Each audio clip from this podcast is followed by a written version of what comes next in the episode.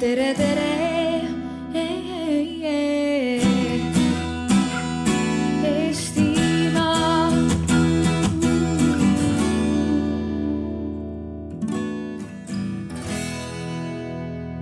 nimelt kohe-kohe hakkame rääkima vägagi päevakajalisest teemast, millest võib-olla ei räägita veel nii palju, kui võiks. välismaal on ta kindlasti populaarsem kui Eestis üldise arutelu all see hetkel on, aga meie üritame seda äh, parandada. nimelt teemaks saab olema noorte vaimne tervis. meil on siin eksperdid kohal ja kohe-kohe asume ka neid tutvustama, aga seda paneeli veab siis eest Eesti Noorteühenduste Liit ja minu nimi on Roger, ma olen Eesti Noorteühenduste Liidu juhatuse esimees ja minuga modelleerib alati võluv. Mikk Tarros, juhatuse aseesimees Noorteühenduste Liidus. just, aplausi ei ole vaja äh,. Edasi on mul väga hea meel tutvustada teile meie tänaseid äh, paneliste. esmalt siis äh, on meil esindaja, kes äh, tituleerib ennast spordientusiastiks daamid ja härrad, aplausi saatel Sandra Raju. aitäh, aitäh kutsumast. järgmine inimene, kellel on tiitleid rohkem, kui ma meelde suutsin jätta, küll aga ütleme muusikaprodutsent Andrei Zevakin. tere! ja meil on ka sotsiaalministeeriumist esindaja, kelle tiitlit äh, pikka ei saa jõua ette lugeda. aga sotsiaalministeeriumi esindaja Kätlin. ja hakkame pihta ja nagu Roger juba mainis, siis äh, välismaal on see teema väga kuum, aga tegelikult ka Eestis, et äh, nii meedias kui ka, kui ka statistikas on välja tuua erinevaid äh, arve, kui me räägime kas siis noorte enesetappudest või enesevigastamistest, ehk siis täiesti aktuaalne teema. aga ennem kui me lähme võib-olla selle tõelise sisu juurde, küsikski võib-olla meie panelistidelt, et mis teie jaoks üldse vaimne tervis on? alustame näiteks Sandrast. ma just tahtsin öelda, et äkki poisid enne. Tavaliselt alati- alustatakse alati tüdrukutest. okei, eks ma siis võtan jess. aga ma ei tea, minu jaoks see vaimne tervis on nagu selline, kui sa oled nagu, kui sa oled nagu endaga rahul lihtsalt, kui sa oled nagu, sul on see si- sisemine rahu, et sa nagu, ma ei tea, sa ei, sa ei närveeri mingite asjade pärast, sa ei ole stressis, sa lihtsalt, sa tead see, mis sa teed, on õige. sa tead, et need inimesed, kes ümber on, need on ka nagu nii-öelda õiged, onju. et see lihtsalt minu jaoks on see pigem nagu selline rahu ja siis see nagu võimaldab siis äh,, kuidas ma ütlen, noh, nii-öelda siis hästi elada nii-öelda. Andrei, kas sa oled endaga rahul? tead äh, ma, mul on selline hästi äh, keeruline aasta olnud. mitte keeruline, aga selline, ütleme niimoodi, et sündmuste rohkem. et äh, ja praegu on, ma arvan, selline aeg, kus äh,, kus nagu on palju juhtunud ja kus ma nagu inimesena ka nagu arenen. nii et kindlasti ma ei ütleks, et ma olen sada protsenti endaga rahul, aga ma püüan nagu igapäevaselt selle nimel nagu tööd teha. et äh, reaalselt nagu jõuda sinna punkti, kus ma võib-olla olin mingi poolteist aastat, kaks aastat tagasi. et äh,, et nagu vaikselt nagu tagasi sinna jõuda. ma saan aru, küsimus oli, et mis on minu jaoks vaimne tervis ähm,.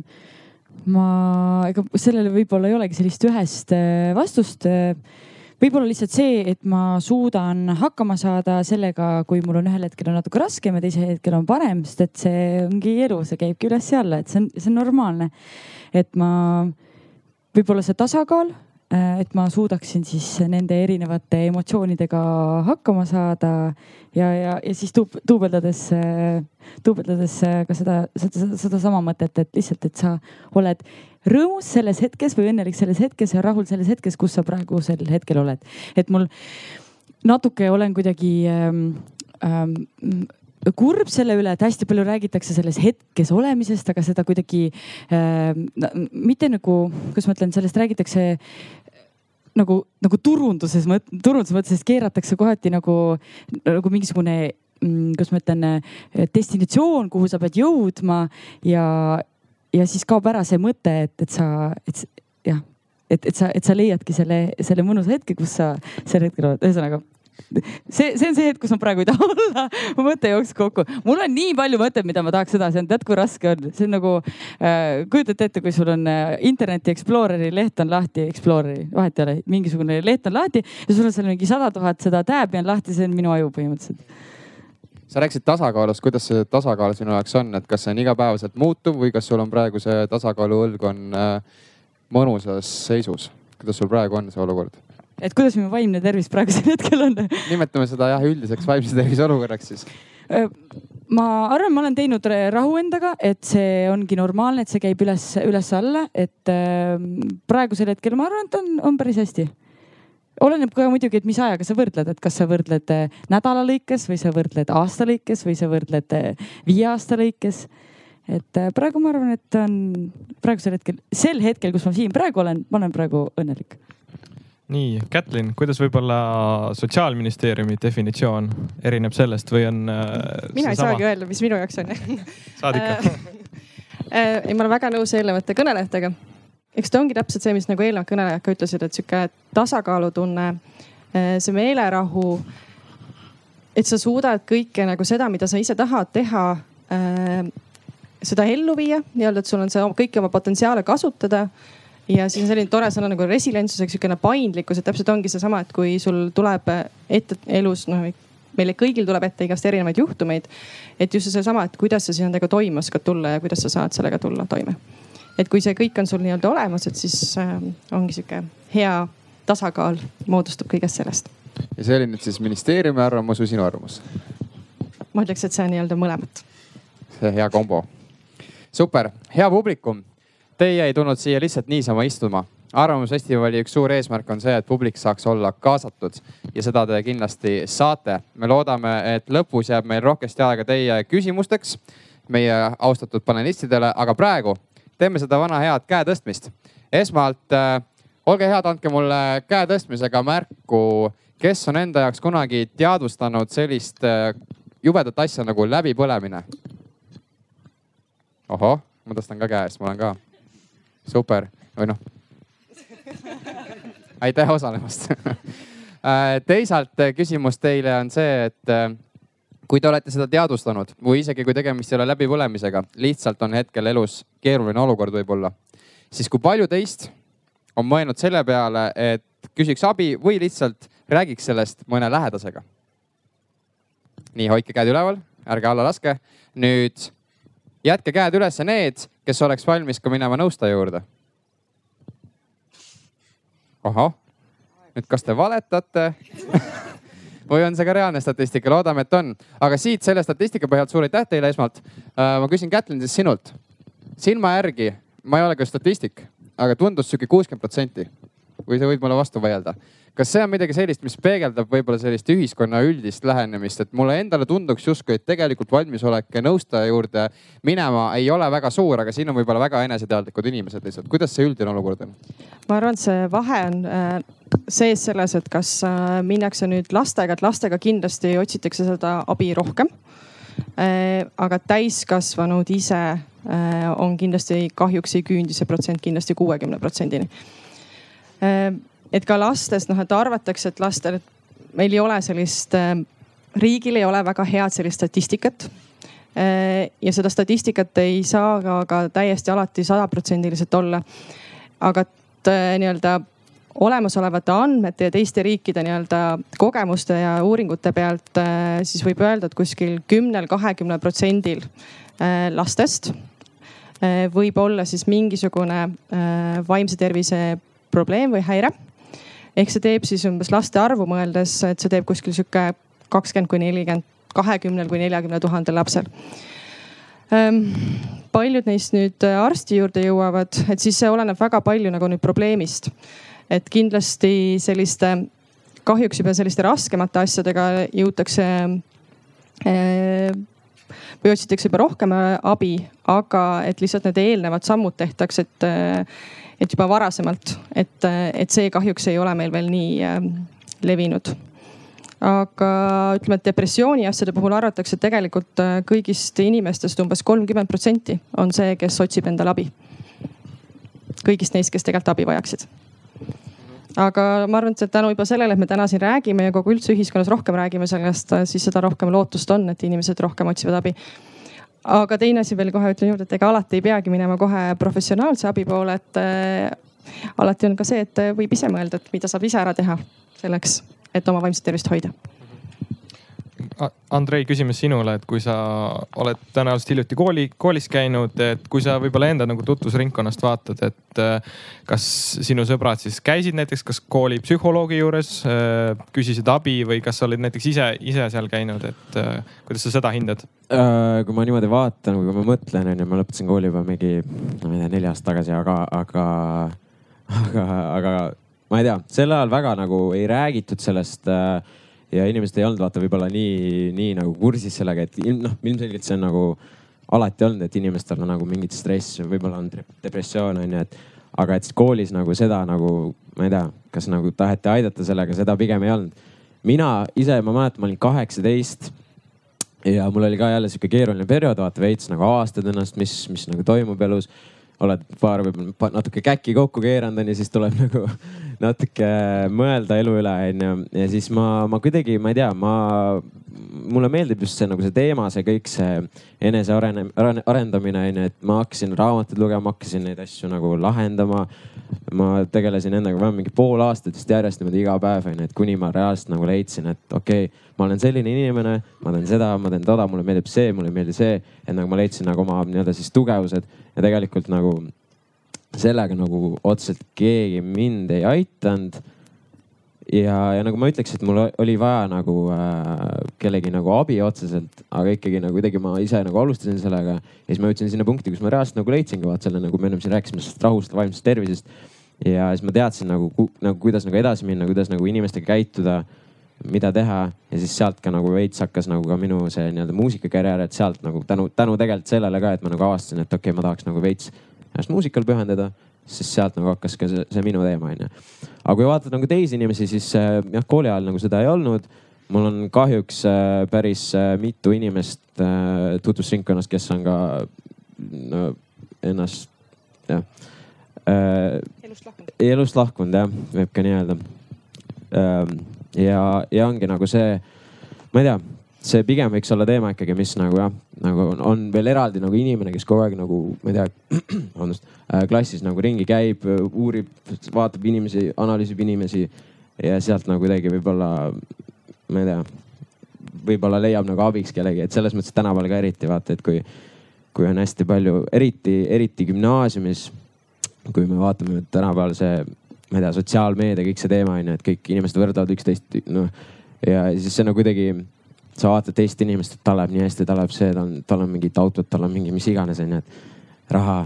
ja siis see nagu endale kassib ära veits vaata ja siis nagu ja siis sealt noh, tekib see, et ah, kas ma olen ikka nagu worth it on ju, et, et ja siis sealt läheb see edasi kuni punktini, kus sa juba ei oska midagi teha ja siis võib-olla noh, see on võib-olla muidugi üle, üle pandud, aga mõtled selle nii-öelda siis enesetapu peale, et noh, aga. see on väga hea, et sa selle kooli poole sisse tõid. me jõuame selleni ka üsna peatselt, räägime natukene sellest olukorrast, mis reaalsuses koolis on, see haigutav tühimik eripedagoogidega ja nii edasi. aga Sandra, sinu käest enam-vähem sama küsimus, et kui sa mõtled nüüd sellise abi võib-olla leidmise peale või endaga vähemalt rahulolu endaga rahul äh, olemise peale, siis kuidas sul tundub, et sinu sõprusringkonnas näiteks, et kas see lahendus oleks kellelgi minna abi paluma professionaalselt inimeselt või see võib ka olla ka lihtsalt mingi, et ma ei tea, saad sõprade-tuttavatega õhtul kokku, chill'id, räägid, äh, vestled ja juba see aitab. kuidas sinu nagu selline kogemus või tutvusringkond sellele läheneks? no minu tutvusringkond on üsna lai ja mul on hästi palju erinevaid äh, inimesi erinevatest valdkondadest. see lihtsalt võib-olla disclaimer'ina ütlen teile, et ma töötasin hästi pikka aega treenerina ja kui sa oled äh, treener, siis äh, tegeled spordiga üldiselt, siis sul on hästi palju rõõmsaid inimesi ümberringi. sest et sport on tore, sport on emotsioon, head, tekitab häid emotsioone. aga kas see on päriselt toredad inimesed või on see nii-öelda pealmine, mida me näitame, et justkui on positiivne? Äh, kuhu ma tahtsingi jõuda, on see, et sulle jääb see mingi, mingis mõttes ma ise tunnen, et mulle jäi see külge. et see oli see, et sa oled selliste inimestega koos, see, et sa ise oled rõõmus siis äh, see, see, sellest tekib sinu jaoks harjumus, et sa kohati võib-olla ei mõtle nende negatiivset, sul ei tule isegi mõttesse mõelda negatiivseid mõtteid. Äh, noh, kui sa oled mingisuguses sellises seltskonnas, kes on, kui on, kus on inimesed rõõmsad, eks ole, ja siis, kui sa lähed mõnda teise seltskonda, kus sa näed, et inimesed mõtlevad hoopis teistmoodi, siis mul endal kohati tekkis selline nagu lõhestumus, et ma ei saanud aru, et, et mis siis nüüd nagu on, et, et oot-oot, et seal on sellised inimesed ja nüüd ma lähen sinna, nemad mõtlevad hoopis teistmoodi. et kas ma siis peaks ennast kuidagi muutma või et kas see, et ma olen nende inimeste seltskonnas selline positiivne ja tore ja rõõmus, on kuidagi teeb ma ei tea, halba nendele teistele inimestele või et äkki ma panen neile sellise pinge peale sellega oota, mis see küsimus oli? põhimõtteliselt oligi see ja, ja ma räägin noh uh,. Welcome to my world. et ähm, jah ehk siis sinu tutvusringkond on hästi lai. üld jah, jah mul, mul saaks väga hea poliitik, sest et ma oskan rääkida väga pikalt mitte millestki, nii et äh,. aga üldiselt äh, võib-olla, mida ma tahaksin öelda veel on see, et äh, mulle tundub, et väga tihti inimesed ei saa aru kui ne, et neil on mure, sellepärast et äh, väga tihti, kui me vaatame kas mingisuguseid äh, videosid või loeme mingeid artikleid, siis räägitakse hästi palju edukatest inimestest, kes kõik on näinud hullult palju vaeva selleks, et jõuda sinna, kus nad on.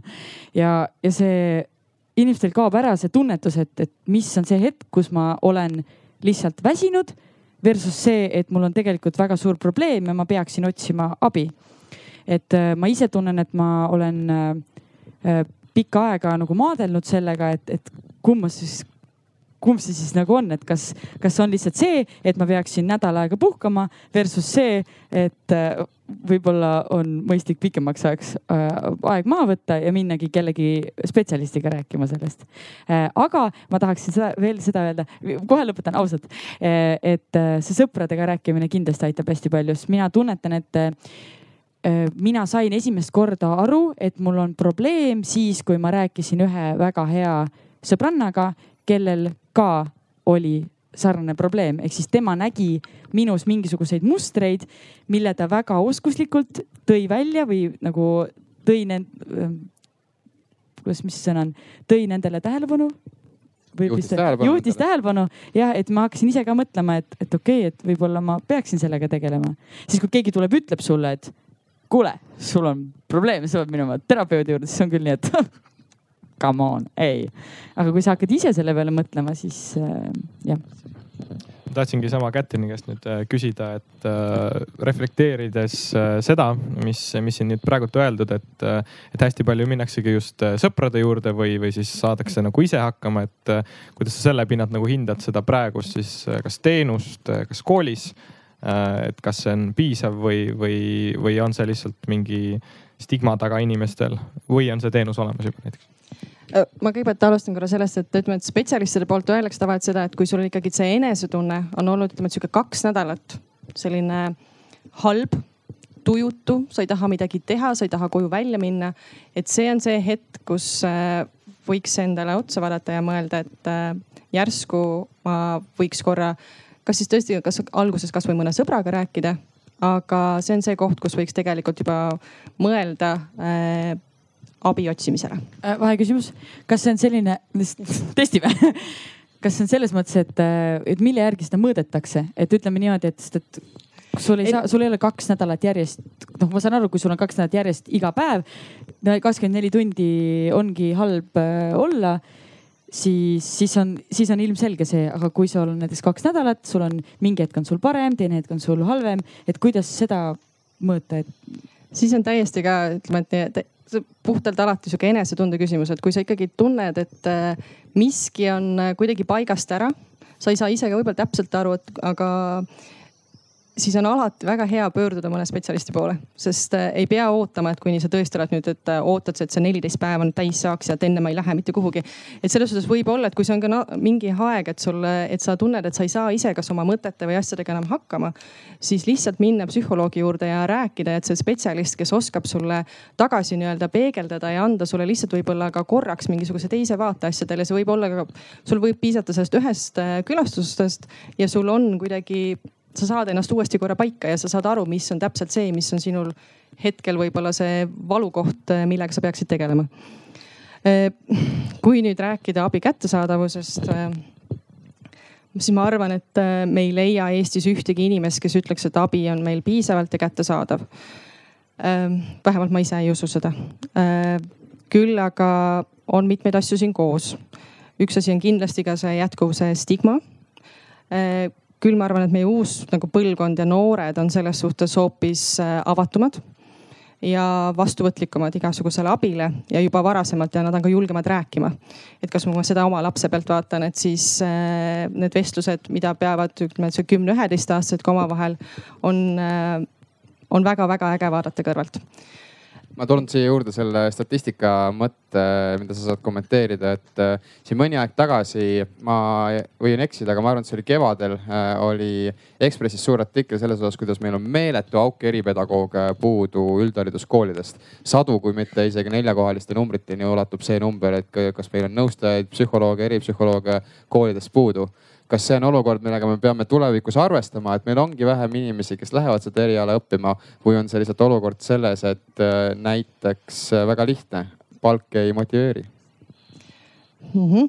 nüüd siin sotsiaalministeeriumi esindaja, ma astun selles osas äh, natukene haridusministeeriumi alasse, kui ma seda kommenteerin. aga kindlasti on see, et spetsialiste on puudu ja kahjuks ütleme, et nii, kas siis haridusvaldkonnas kui juba ütleme, et siis tervisevaldkonnas me peame asjale otsa vaatama selles osas ja ausalt, et äh, süsteem ei jõua järgi sellele, mis on meie vajadus. Äh, ja ütleme nii, et selliseid mõlemaid asju arendada nii-öelda sellega, et meil on, ma arvan, et meil ei saa kunagi olema üheski valdkonnas spetsialiste, nii et me ütleme, et nüüd on piisavalt. et neid jääb alati puudu et selles suhtes on kindlasti vaja arendada kõiki erinevaid süsteeme korraga, et meil on vaja kindlasti neid eripedagooge asju juurde, aga samal ajal igasugused erinevad nõustamisteenused, ka veebiteenused ja kõik sellised asjad, et et need peavad olema kõik kogu aeg äh, paralleelselt käima. et me ei saa jääda ainult sellele lootama ja lootma, et äh, meil üks, ühes valdkonnas saaksid nüüd spetsialistid äh, olemas olema. Mm, ütleme nii, et meil on sellega tegeletakse kogu aeg, et meil oleks rohkem äh, nii-öelda lastepsühhiaatreid, äh, psühhiaatreid. Äh, ja kindlasti on siin oma osa ka sellel, et midagi jälle teha. Soome on meile väga lähedal, praamid käivad kiirelt et sa jõuad Tallinnast sama kiirelt Helsingisse, kui jõuad võib-olla Tartusse või kiirem kui Põlvasse ja see palk lihtsalt selle lühikese aja peale on palju motiveerivam. et see on üks koht kindlasti, mis tõmbab meilt äh, spetsialiste ära. küll aga siiski ütleme, et kui me suudaksime pakkuda hetkel motiveerivat äh, palka kõigile neile spetsialistidele, Eesti omadele, kes on välismaal, et nad kõik tagasi tuleks, siis meil oleks ikka puudus nendest. austatud publikum, teeme veel ühe sellise ilusa demokraatia käe tõstmise stiilis. Äh, kui palju teist tunnetab seda, et see sotsiaalmeedia kultus äh, hävituslikult mõjutab meie enesehinnangut? andke käega märku, kui te tunnete. see on vist Siililegi selge enam-vähem, võib-olla mõni inimene lihtsalt ei kuulnud küsimust, ei jõudnud kätt tõsta. aga Andrei ja, ja Sandra, räägime korra ausalt võtame sotsiaalmeedia ette, eks ole, te olete mõju, mõlemad mõjuisikud, suunamudijad, influencer'id, äh, nimetame kuidas seda tahes, aga reaalsus on see, et teid vaatab piisavalt suur vaatajaskond. et teil on natukene, tunnetate seda või ei tunneta, aga mingisugune vastutus võib-olla, see tundub hästi suur sõna, aga ilmselt seda on äh, ma olen rääkinud erinevate Youtube eritega, aga pooled ei tunneta seda. ma eeldan, et te tunnetate, võib-olla ma eeldan palju, aga ma arvan, et te tunnetate aga võtame nüüd näiteks mingisuguse lihtsa asja nagu Instagrami. Scroll'id seal feed'is, ilus eesti keel äh,. Scroll'id seal feed'is ja siis vaatad seal, sul on kolmeteistaastased kahesaja like'iga, sul on seal kaheksateistaastased tuhande like'iga, eks ole. kõigil läheb nii kuradi hästi ja siis olen mina seal istun mõtlen, et kurat, mul on kolmkümmend laiki ainult pildi peal nagu, et kas ma peaks nagu elus midagi paremini tegema. kuidas teil on, kas see, mida te portreerite sotsiaalmeedias, kas tegelikult elu ongi teil nii ilus või? või tegelikult see on ikka see, mida te tahate näidata oma vaatajaskonnale? no mina, mina selles mõttes nagu püüan suht aus olla, ma ei hakka mingi seal ilustama asju, et äh, nüüd on mul niimoodi ja mul on nii palju raha ja nagu selles mõttes ma nagu ei, ma ei ole üldse selline inimene, kes nagu läheks nagu nii-öelda flex ima, nagu öeldakse, onju, et äh, et pigem ongi see, ma näitan, kus ma olen, mis ma teen, mis mul äh, näiteks tulemas on, mingi, põhimõtteliselt ma tegelikult Instagrami selles mõttes kasutan nii-öelda ka promoallikana rohkem, et et ma saan seal nagu share ida, kui mul tuleb mingi uus asi välja, kui ma saan, äh, kui mingi muusika, uus, uus lugu tuleb välja, onju, et ma kasutan seda nagu selle jaoks. aga tihtipeale jah, nagu selles mõttes mina, mina otseselt niimoodi ei näita kõiki selliseid asju, et kõik on nii ilus, kõik on nii hästi ja kui on midagi halvasti, siis ma ütlen ka nii, et nii on, vaata aga, aga. tunned sa mingit pinget nagu, et sa peaksid justkui seal? ei, ei, ei tunne selles mõttes nagu noh, inimesed selles mõttes nagu teavad mind juba veits onju, et, et nad teavad, noh, millega ma tegelen, mis ma teen, et mul ei ole nagu otseselt nagu niimoodi millega nagu vehkida onju. aga, aga ses suhtes, kui niimoodi vaadata nagu teisi onju, siis on see või no üldse see kogu see Instagram, nagu ma enne siin mainisin ka, et tegelikult noh, ma iga päev mõtlen, et kurat, et peaks ära kustutama, ma lihtsalt ei jaksa noh. Et nagu kõik need, need nagu sa rääkisid, like'id ja kõik see follower'id, no see on, see on kahjuks nagu nii oluline kõikide jaoks nüüd tänapäeval. ma ei tea, nagu ma minu eesmärk kõikide nende Instagramide, Youtube'i videotega, asjadega on see, et ikkagi inimesele mingit nagu väärtust tuua, et äh, kasvõi mida naerda, nutta, mis iganes, lihtsalt nautida, vaadata, onju. aga, aga lihtsalt äh, kui vaadata nagu mitmeid teisi inimesi, nii-öelda siis suunamudijaid, kes teevad, siis nad pigem teevad seda rohkem just äh, fame'i, raha, follower'ide, like'ide pärast, et lihtsalt, et, et, et nad läbi selle nagu saavad ennast tunda kuidas ma ütlen, nagu võimsana, võimsamana, et, et, et, et, või suurelt onju, et et see on nagu see, kus on nagu see võib-olla Instagramina see tegelikult see väärtus nagu kaduma läinud, onju. ja, ja, ja nii ongi noh, et, et, et jah. Sandra, kuidas sul on, tunned sa mingisugust vajadust olla kogu aeg seal pildis palju meil aega on siin praegu täna? teeme sihuke paar minutit esialgu no minul on Instagramiga üldse sotsiaalmeediaga nii, et äh, see on äh, osa minu tööst. ma tegelen äh, siis sotsiaalmeedia koolituste siis koolitajana. minu praegune töö on olla sotsiaalmeedia konsultant, ehk siis see on, ma olen selle sees kogu aeg. ja ma võiks sellest hästi palju rääkida aga mulle natuke tundub, et äh, just Instagram on selline ka kanal, mis on paratamatult on üks kõige populaarsemaid kanaleid. Äh, teda nagu demoniseeritakse selles mõttes, et äh, ta on ta on vahend nagu iga teine, et meil endal on võimalus valida, et kuidas me seda kasutame. et kui me ütleme, et see on halb ja seal on, kõik on fake, siis me, te, te, me ei pea seal olema ju. et äh, meil on võimalus, põhjus, miks mina seal olen, ongi see, et ma näen, et võib-olla ma kunagi mingil hetkel olengi seda kasutanud äh, mitte nii võimekana, kui see kanal tegelikult on. et äh, ma tahakski kõigile öelda, et äh, see ei ole halb koht. see on väga äge koht, kus saab väga häid emotsioone, lihtsalt me peame kõik ise olema ausad nii enda vastu kui ka teiste vastu. see on see, mis ja... sa lõpuks nagu ise nagu valid nagu. ja, sest et Instagramil on imeline nupp kus sa saad vajutada follow ja unfollow kui seal on sellised kanalid, mis sulle ei meeldi, mis tekitavad sinus halba emotsiooni, siis sa võid lihtsalt panna unfollow ja sa võid tekitada endale ise sellise, mis on ka omamoodi oht, eks ole. et sa võid tekitada endale sellise feed'i, mis näiteks tek-, mis, ma ei tea, mis ongi sinu jaoks. aga äkki me tekitame endale sellise feed'i, millist elu me tahaksime endale? ja, aga noh, okei okay,, siis me, okei okay,, astume siis sammu tagasi, siis on vaja öö, võtta näiteks kasvõi ütleme, et ma ei tea no,, noored, eks ole, kes võib-olla ei suuda kriitiliselt mõelda veel sellist, sellisel levelil ja neid õpetada, kuidas neid kanaleid kasutada. et need kanalid ei kao mitte kuhugi, neid tuleb aina juurde ja need muutuvad aina populaarsemaks. lihtsalt meil ei ole mõtet võidelda selle draakoniga, kui nii võib öelda, et kui sa lõikad ühe pea maha, siis tuleb kaks või kolm uut, eks ole. vaid pigem, et lihtsalt õpetada, kuidas selle draakoniga hakkama saada, et kuidas seal, kuidas, keda, keda siis, ma ei tea, keda jälgida või et, vaid lihtsalt, lihtsalt minu point on see, et inimesed saaksid aru, et me, see, et meie räägime siin sellest, et et, et osad inimesed on Instagramis fake'id, siis me ju teame seda kõike. ja tegelikult me ju teame seda, et kui me läheme sinna sotsiaalmeediasse ja me scroll ime, siis te ju teate, et see ei pruugi, see ei ole kõigi, see kõigi elu ei ole selline. me kõik oleme inimesed ja meil kõigil on oma head ja, ja halvad päevad. lihtsalt näiteks äh, mina ise mingil hetkel teadlikumalt hakkasin postitama ka mm, oma kehvematest päevadest, sest mulle tundus, et ma muidu postitasin sinna lihtsalt siis, kui ma tundsin, et mul oligi hea tuju, sest et mul oli hea tuju, mul juhtus midagi toredat, ma tahtsin seda teistega ja jagada.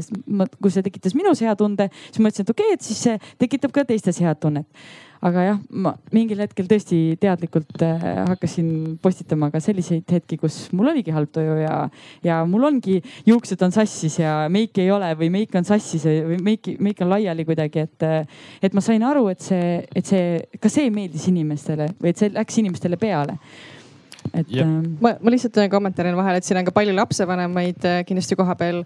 et, äh, et tegelikult seesama see sotsiaalmeedia ja kogu see, kuidas internetis käituda ja milliseid ohte tähele panna, et siis tegelikult äh, ka sellega Eestis nii-öelda tegeletakse, et meil on selline tore organisatsioon nagu Lastekaitse Liit, kelle all on siis selline projekti osa nagu Targalt internetis, kus tegelikult käiakse koolides väga palju noortele rääkimas just sellest samast, et millised on ohud ja kuidas neid asju kõiki nii-öelda vältida ja mida os osata tähele panna.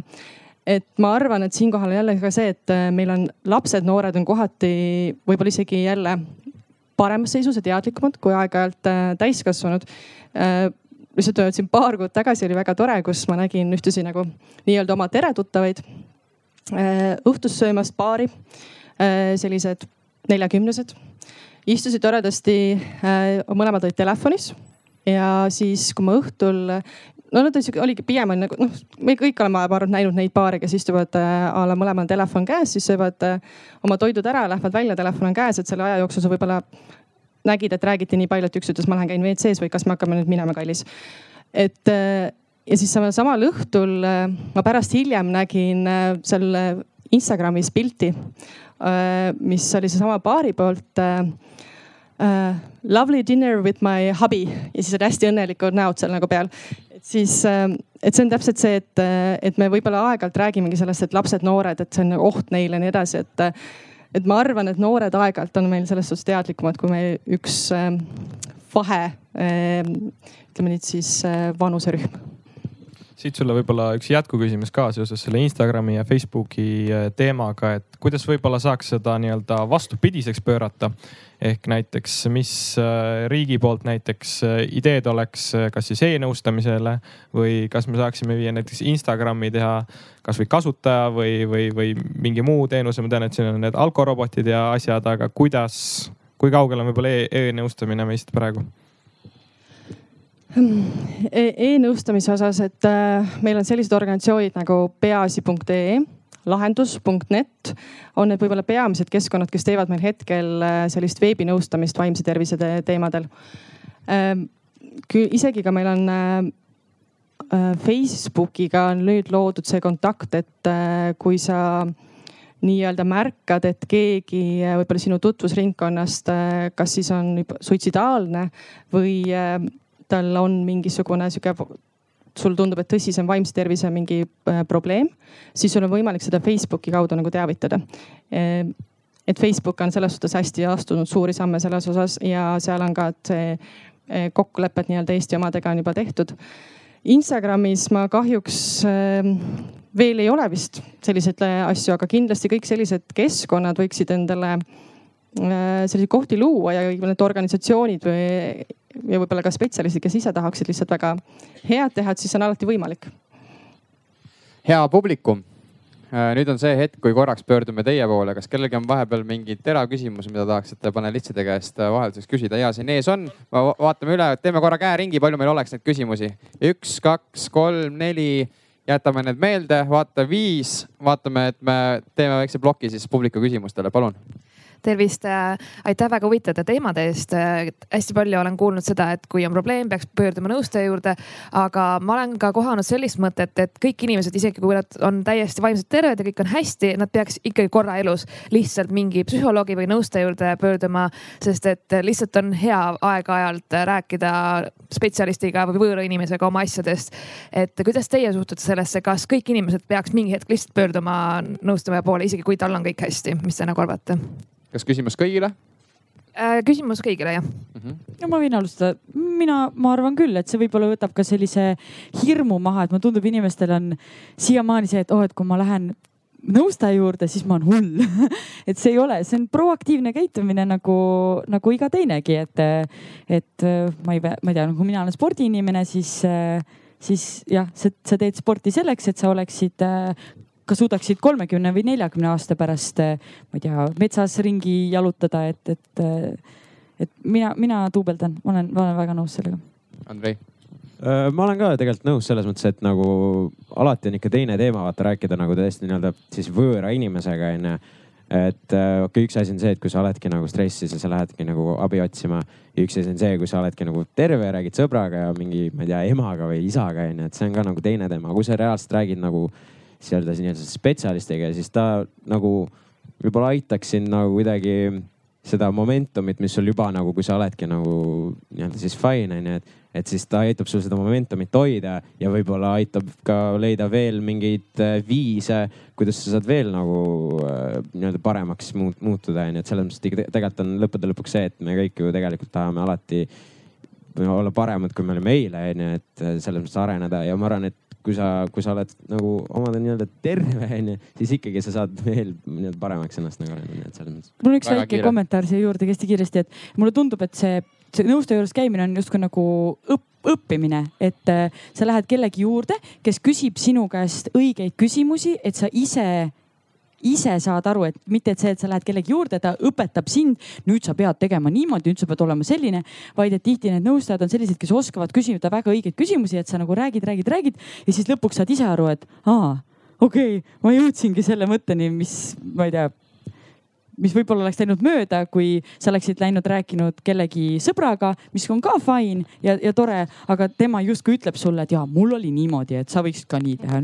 noh, kõigile see ei tööta, et tihti tundubki, et see, et see on niisugune nagu õp, iseenda õpetamine. ma lihtsalt ütlen korra vahele ka veel, et, et, et meil on tegelikult ikkagi pea kõik jooksnud psühholoogi juurde, et alati on võimalus meil ka sellised asjad nagu meil on uued, uute teenuste nii-öelda olemas, on ka see life coach ja, ja on ka karjäärinõustamine asjad, et mis tegelikult on aeg-ajalt just ka mitte ainult noortele, vaid ka täiskasvanutele endale, et kui sa tunned, et sa tahaks mingit mingi, midagi muud teha, uut teha, et siis need on ka kindlasti need kohad, kuhu võiks pöörduda. aga siinkohas ma võib-olla kommenteerin juurde, et äh, olles sotsiaalmeedias hästi palju ja ma näen, kui palju on erinevaid life coach'e ja kui palju on neid ise hakanud äh, nõustajaid, kes tegelikult ei tee seda sellel, sellel eesmärgil, nad tahaks inimesi aidata, vaid nad on näinud, et aa, see on hea viis, millega, kuidas teha raha, siis tegelikult sa pead olema hästi ettevaatlik sellega, et kelle juurde sa lähed.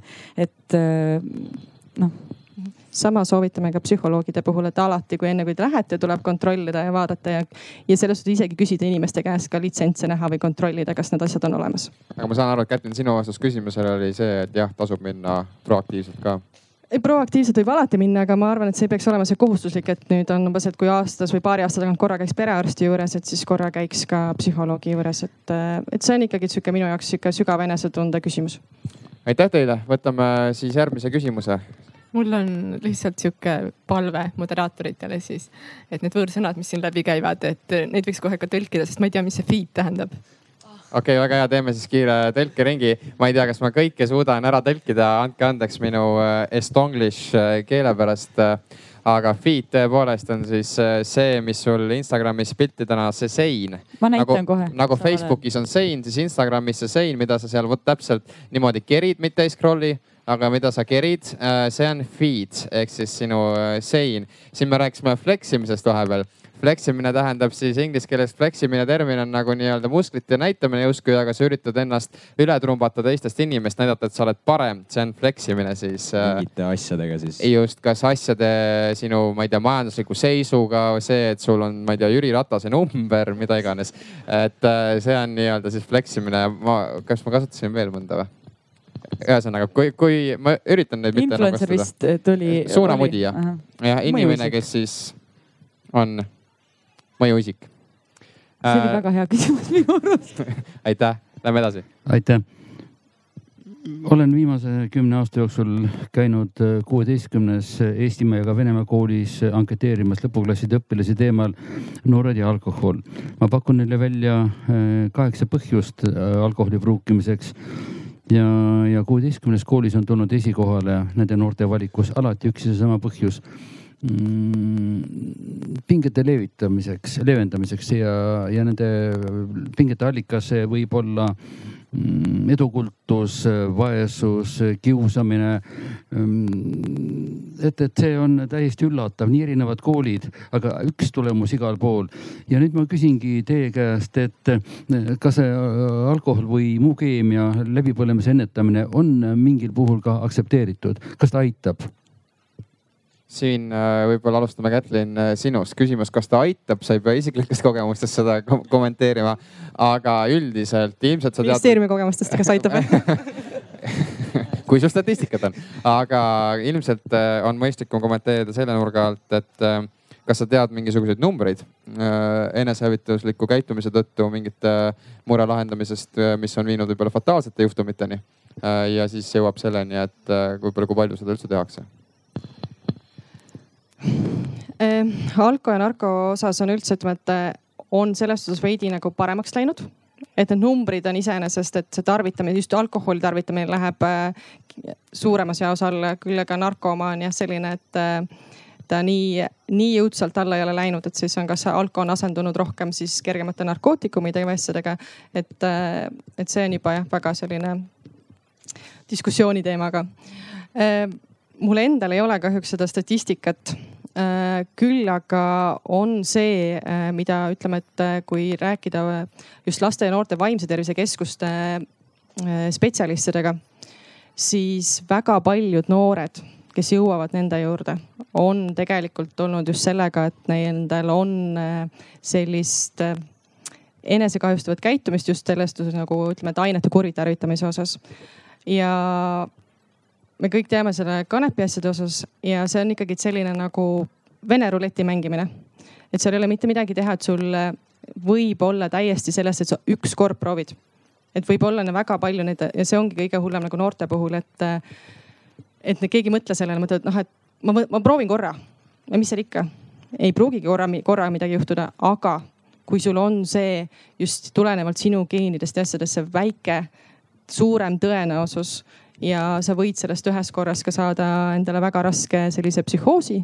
ja seda edaspidi siis on juba see, et sa nii-öelda pead jääma rohkem siis nagu oma tervist ja asju kontrollima. et selles suhtes, et äh, ei igasugustele äh, mõnuainetele. ja kui ma ei eksi, siis statistiliselt see vanus, mil esimest korda tarbitakse, aina alaneb?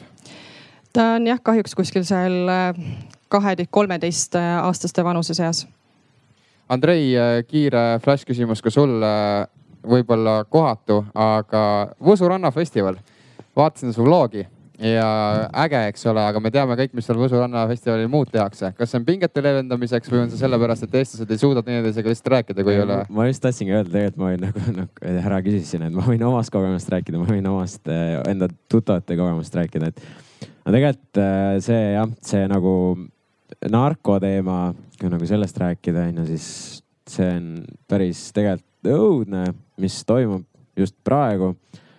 et ikka hästi, tegelikult see on ikka jah, see on nagu asendunud, see nii-öelda alkohol on siis nagu asendunud rohkem narkootikumide peale ja see on tegelikult suht nagu kurb vaadata, kui nagu lähed vaatad ringi, et mis toimub seal, mina, mina ise, mul on endal nagu nii-öelda siis trauma, kui nii-öelda öelda, et mul oleks üks parim sõber praegu nagu mingi üledoosi sellest teinud, onju.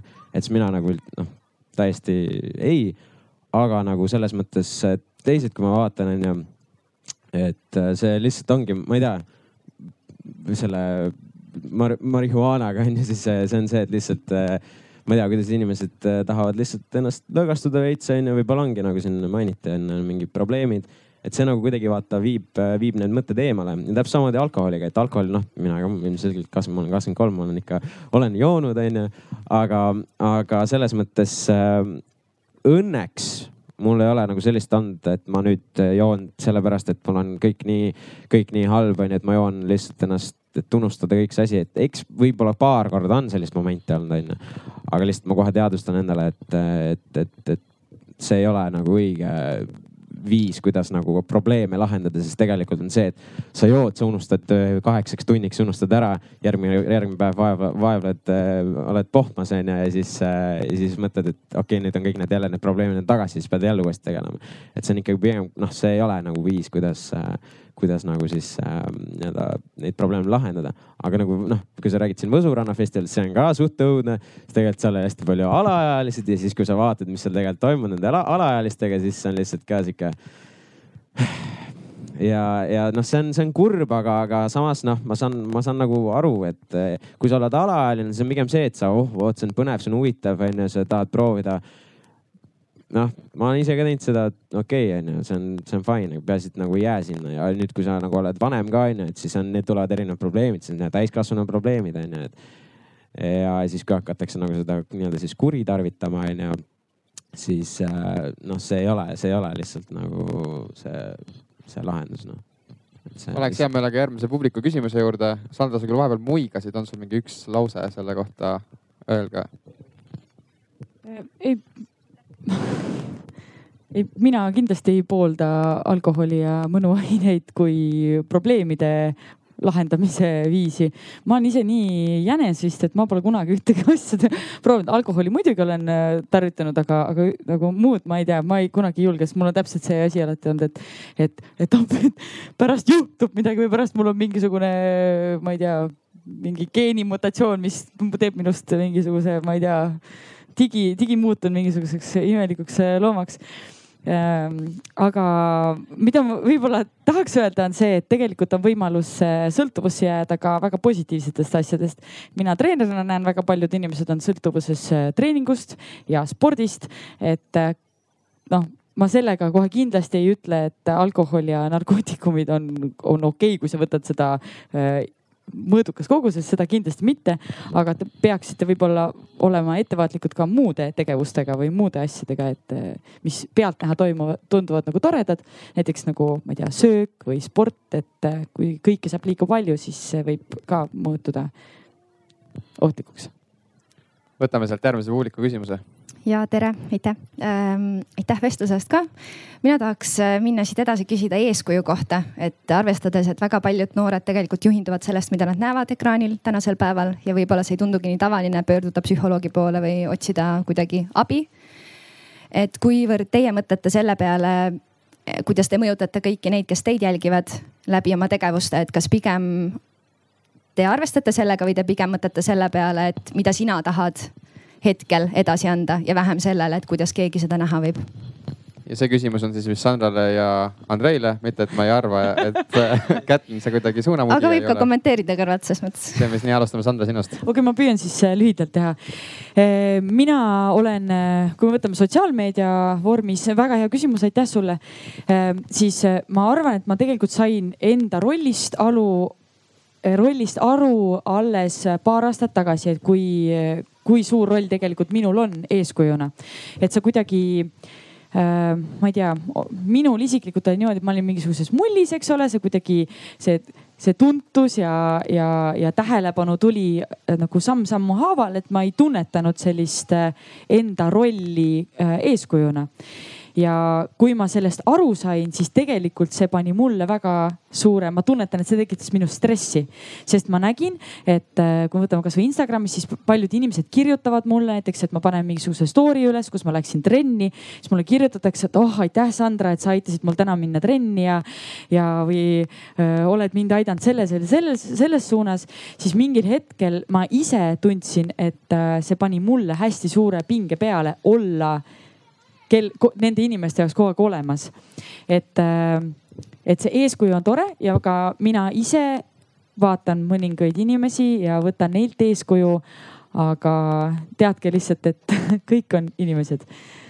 jah, ma ei tea, kas ma enam-vähem vastasin sellele küsimusele, et äh, see mm, see ei ole väga veenev. ma ei tea, äkki sa omalt poolt kommenteerid ja siis ma saan juurde midagi. ei, ma tahtsin tegelikult seda öelda, et nagu vaata, kui sa nagu alustad, onju, sa ei, sa ei mõtle selle peale, et nüüd ma hakkan eeskujuks, onju. et see on lihtsalt, mina alustasin lihtsalt niimoodi, et ma lihtsalt hakkasin tegema, onju, et ma ei, ma ei mõelnud, et ma kellegi, kedagi, kedagi hakkan mõjutama, keegi nagu hakkab vaatama, et mis ma teen, hakkab mind, mis iganes, onju, arvama, onju.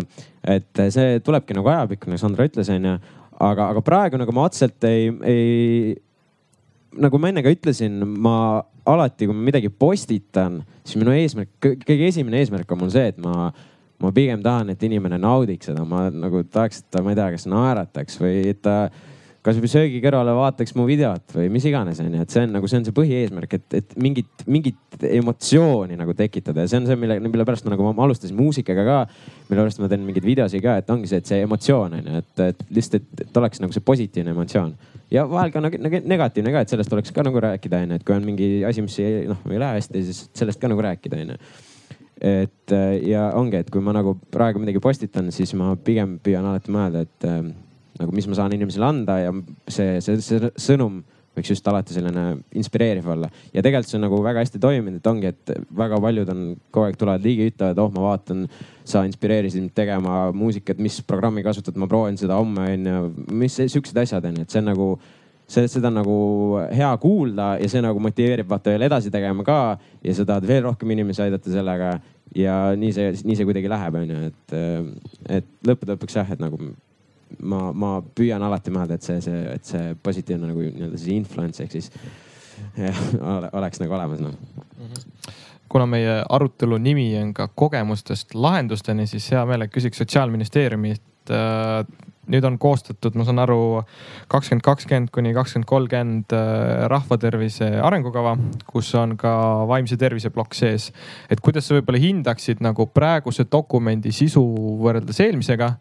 Äh, mis on, mis on võib-olla nagu muutunud ja mis on võib-olla need peamised täiendused, äh, arvestades sellega, et vaimne tervis on üha nii-öelda aktuaalsem teema mm? -hmm. selline dokument on jah jätkuvalt hetkel veel nii-öelda kooskõlastusringil ehk kus siis äh, erinevad osapooled saavad veel oma mõtteid ja asju jagada äh, positiivne on see koht, et äh, kui võtta seda eelmist arengukava, mis oli, et see on nagu rahvastiku tervise arengukava on siis ikkagi päris mitme ministeeriumi see on sotsiaalministeeriumi vedada, aga et seal on mitmete teiste ministeeriumite nii-öelda ka mõtted, asjad sees et siis eelmisel variandil äh, meil vaimne tervis oli lausena kuhugi nii-öelda peidetud, aga seekord on siis äh, suure edusammuna on täiesti nii-öelda eri, eraldi välja toodud ühe teemaplokina. küll aga võib alati vaielda selle üle, äh, kui detailne või kui palju infot seal on. et seda tahaks alati rohkem aga ma arvan, et me selle üle, et me oleme juba saanud selle vaimse tervise teemana sinna sisse Äh, nii-öelda ametnikena võime väga õnnelikud olla. Äh, mis näitab ka sihukest riigis nagu mõttelaadi edasisammu. ja, aga seal vaimne tervis on ikkagi võetud mitte ainult noortele, vaid see on ikkagi sihuke elukaare üleselt ja need teemad seal on hästi laialt pandud, et see ongi seesama, et tuleb tegeleda ennetuse ja sihukese edendusega, et just seda positiivset vaimset tervist arendada samamoodi teenused ja siis teenuste arendused, see kättesaadavus ja kvaliteet ja ka loomulikult on seal sees koostöö erinevate sektorite vahel, et see, mis iganes probleemiga ei juhtuks see, et äh, kõik tõstavad käed üles, ütlevad, et ei ole meie valdkond. ja ka koolitused ja spetsialistide koolitused, need on põhi, põhiasjad, millele seal siis nii-öelda rõhku asjadele pannakse siit jätkuküsimusena ka veel, et kindlasti noh, arengukava on üks tore asi, mis on nii-öelda dokument äh,. aga mis on võib-olla sellesama rakenduskava, et ma saan aru, et see veel tõenäoliselt tuleb. et mis on need nagu reaalselt võib-olla rahanumbrid äh, nende teenuste taga ja noh, kui see ei ole veel valmis äh,, millisena sa seda ise näeks? tegevuskava veel valmis ei ole. Äh, küll aga meie ka esimesed mõtted ja asjad, mida me nii-öelda äh, tahtsime teha ja mille jaoks me ka oleme raha küsinud, siis äh, lähtudes sellest, et meie rahakott, riigi rahakott, mitte ministeeriumi rahakott, vaid see riigi äh, rahakott on väga õhuke, siis äh, vaatamata sellele, et ütleme üle pika aja tegelikult isegi seekord on valitsusprogrammis on vaimne tervis, ma arvan, et see on üle oot-, üleüldse läbi aegade kõige rohkem mainitud ta on küll vahepeal võib-olla natukene vaieldavalt, et kuidas sinna täpselt lähenetud on, aga siiski teda on kõige rohkem üldse, mis me oleme oma ajaloo jooksul näinud. Äh, küll aga on see seis ikkagi rohkem see, et äh, räägime, märgime, aga rahanumbrid taha väga hästi tulla ei taha. Äh, aga see on selles suhtes arusaadav, teistpidi jälle, et kui on riigil raha vähe, siis paratamatult tuleb teha erinevaid valikuid ja siis kahjuks võib-olla aeg-ajalt on see, et äh, mingid teemad jäävad sellest äh, rohkem eemale. aga mis on siis need teemad, mis kindlasti ei peaks jääma eemale sinu hinnangul? kogu see ennetuspool ja kogu see abi kättesaadavus on ikkagi meie jaoks see esimene teema ja meil on selles suhtes ka omad mõtted, millega, mille poole me tahame jõuda. et äh, oleks just see noortele teenuse kättesaadavus parem. eelkõige siis alustame noortest ma pean küsima, et mis need mõtted siis on?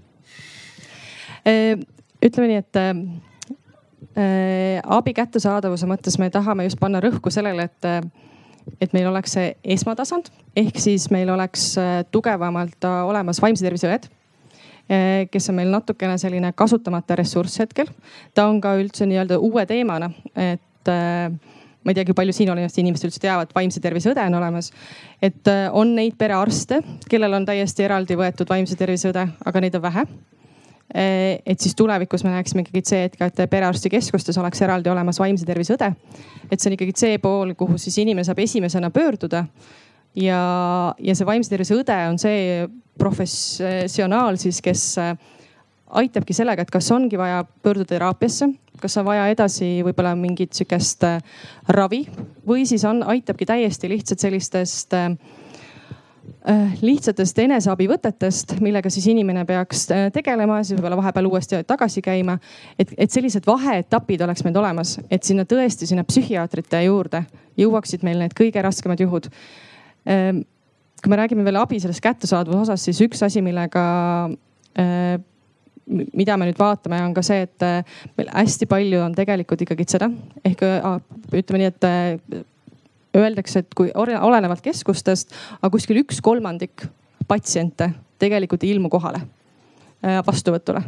mis on ühtepidi võib-olla teistpidi jah, et meil on ooteajad kaks-kolm kuud, mis on väga pikad ja inimesed võib-olla ongi vahepeal, kas kas unustatakse ära, kuigi süsteemid on tehtud piisavalt, et need meeldetuletused, asjad tulevad telefoni teel ja kõik sellised asjad. aga siiski on kahjuks seda, kus äh, jäetakse väga palju tulemata ja tänu sellele jälle need äh, järjekorrad äh, pikenevad. või siis tullakse tegelikult selliste teemadega, kuna meil on hetkel see võimalus, kus inimesed võivad otse pöörduda psühhiaatri poole. et tullakse tegelikult teemadega, millega saaks väga hästi perearst hakkama. meil on meie jaoks inimeste, kuidagi inimeste jaoks ei ole ikkagi teadvus on seda, et perearst on tegelikult väga tugev spetsialist. ta on oma ala professionaal äh, perearstidele on tehtud ka väga palju selliseid vaimse tervise teemalisi koolitusi, neil on tehtud äh, ravijuhendeid äh, depressiooni, ärevushäirega ravimiseks ja nii edasi. et, et perearstid on tegelikult ka üks koht, mis on meil inimeste poolt täiesti kasutamata ressurss. Andrei ja, ja Sandra teile üks sihuke tutske küsimus nüüd siia äh, otsa, et mis siis äh,, siis, siis läheme publikusse äh,. mis siis teie hinnangul, hästi lihtne küsimus, mis siis peaks muutuma Eestis äh, vaimse tervise teemadega seoses, mis te tunnete või kas te tunnete, et kuskil on nagu mingi sihuke süvis puudujääk, mis võiks paraneda? No ma arvan, et äh, ma no ma kui nii-öelda spetsialistina ma ei saa nagu rääkida, onju, aga ma lihtsalt nagu, kui ma ise nagu mõtlen ja vaatan, mis nagu tegelikult nagu ümberringi on toimunud, ongi see, et lihtsalt võib-olla koolides natuke rohkem keskenduda sellele. et äh, kuidagi aidata inimesi nagu suunata, et nad julgeksid minna, sest tegelikult kõik need probleemid hakkavad nagu ma ütlesin, ma ise ka tegelikult, ma olin kaheksateist, ma tegelesin mingi sellist juba nagu mingi, ma ei tea, mis asjadega onju et siis ma hakkasin nagu nii-öelda ennast arendama, onju, aga, aga ongi, et kõik sellised probleemid, kõik sellised äh, enesearengu teemad nagu hakkavadki umbes nagu sellel ajal onju. et siis sa nagu saad nii-öelda veits, hakkad mõtlema onju ja siis sa hakkadki mõtlema, et aa, et kas, kas see, kas see, mis ma teen, on õige, kuhu ma tahaks edasi eluga minna. et kuidagi seda nagu suunata onju. ja pluss siis ma arvan tegelikult veel, et äh, nagu just need nii-öelda siis inimesed, kes on natuke äh, ma ei tea, mõjukamad on ju siis, et keda me siis nagu reaalselt nagu jälgime ka on ju tänapäeva maailmas on ju et need ka võiksid nagu kuidagi nagu veel rohkem suunata, et ma tean, et päris paljud teevad seda, et on ju, et et rääkida reaalselt tegelikult nagu, mis on, vaata, et kõik, kõik tegelikult, kui me vaatame näiteks noh, kui ma saan omast kogemusest rääkida, mingid Eesti laulud on ju, kõik sellised asjad on ju. et need tunduvad kõik hästi lahedad, hästi toredad, kõik saavad hästi palju äh,, ma ei tea, feimi ja kõik on ilus. kuulsust kuulsust on ju kuulsust. Äh, et kõik on hästi ilus, aga tegelikult see, mis te, nagu toimub telgitagustes on ju, et kõik see on, see on nagu väga stressirohke, väga-väga hull on ju.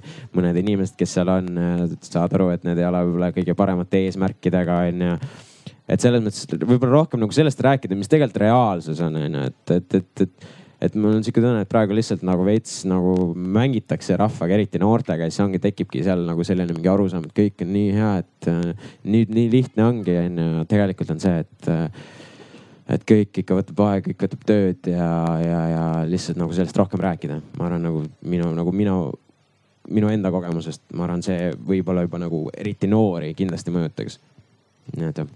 Sandra, kiire mõte ja siis lähme publikusse kiire mõte okei you don't know me, sa ei tunne mind. ühesõnaga võib ja võib-olla lihtsalt siis mõtlen sinu mõtet natuke edasi, et ehk ei ole mõistlik, kuidas ma ütlen, kui, oota, kuidas ma mõtlen, kuidas ma seda sõnastan et kui me mõtleme koolide peale, et kuidas koolides lastele õpetada või rääkida äh, vaimsest tervisest, et siis võib-olla mitte sildistada seda, jätta seda ainult vaimse tervise tasemele, aga üleüldiselt õpetada sellist äh, mõtteviisi nagu kriitiline mõtlemine.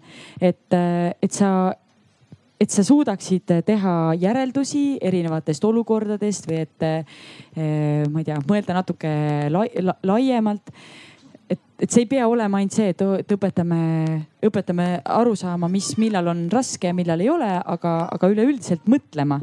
et äh, mulle tundub, et äh, ma ei ole väga ammu ise koolis käinud, põhikoolis eriti, et, äh, et ma ei tea täpselt, mis, mida seal õpetatakse, aga, aga väga tihti antakse ette mingisugused ülesanded, mida peab tegema, aga kuidas neid ülesandeid teha või et kuidas ma õpin või et kuidas ma õpin mõtlema, et et võib-olla sellega ka, äh, selle peale ka mõelda, et ja see tuleb mulle iseenda kogemusest, kui ma peale kümnendat klassi käisin õppimas, äh, sain stipendiumi, äh, käisin õppimas Inglismaal ja minul oli üheks õppeaineks, ma sain ise valida endale, oli üheks õppeaineks oli kriitiline mõtlemine. ma mäletan, ma kartsin seda tundi paaniliselt, sellepärast et ma, ma pidin seal avaldama oma arvamust ja ma ei osanud, äh, esiteks inglise keeles ei olnud minu esimene keel, eks ole.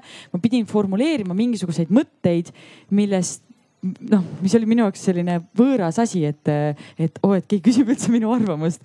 Äh, aga kui ma nüüd tagantjärele mõtlen, siis see oli üks kõige ägedamaid õppeaineid seal, sest et see arendas mind kõige rohkem. kui see, kui see on loogiline. okei okay,, ma jään nüüd vait. aitäh sulle. Äh, teeme korra veel käte ringi, palju meil küsimusi on väga palju äh, kohtume kolme tunni pärast siis jah nii, meil oli, alustame sealt ja siis tuleme riburada pidi, võtame järjest siin. ole hea. nii, aga ma tulen tagasi siia kanepi teema juurde, et kuna seitsmel kuni kümne protsendil inimestel, valjemini või?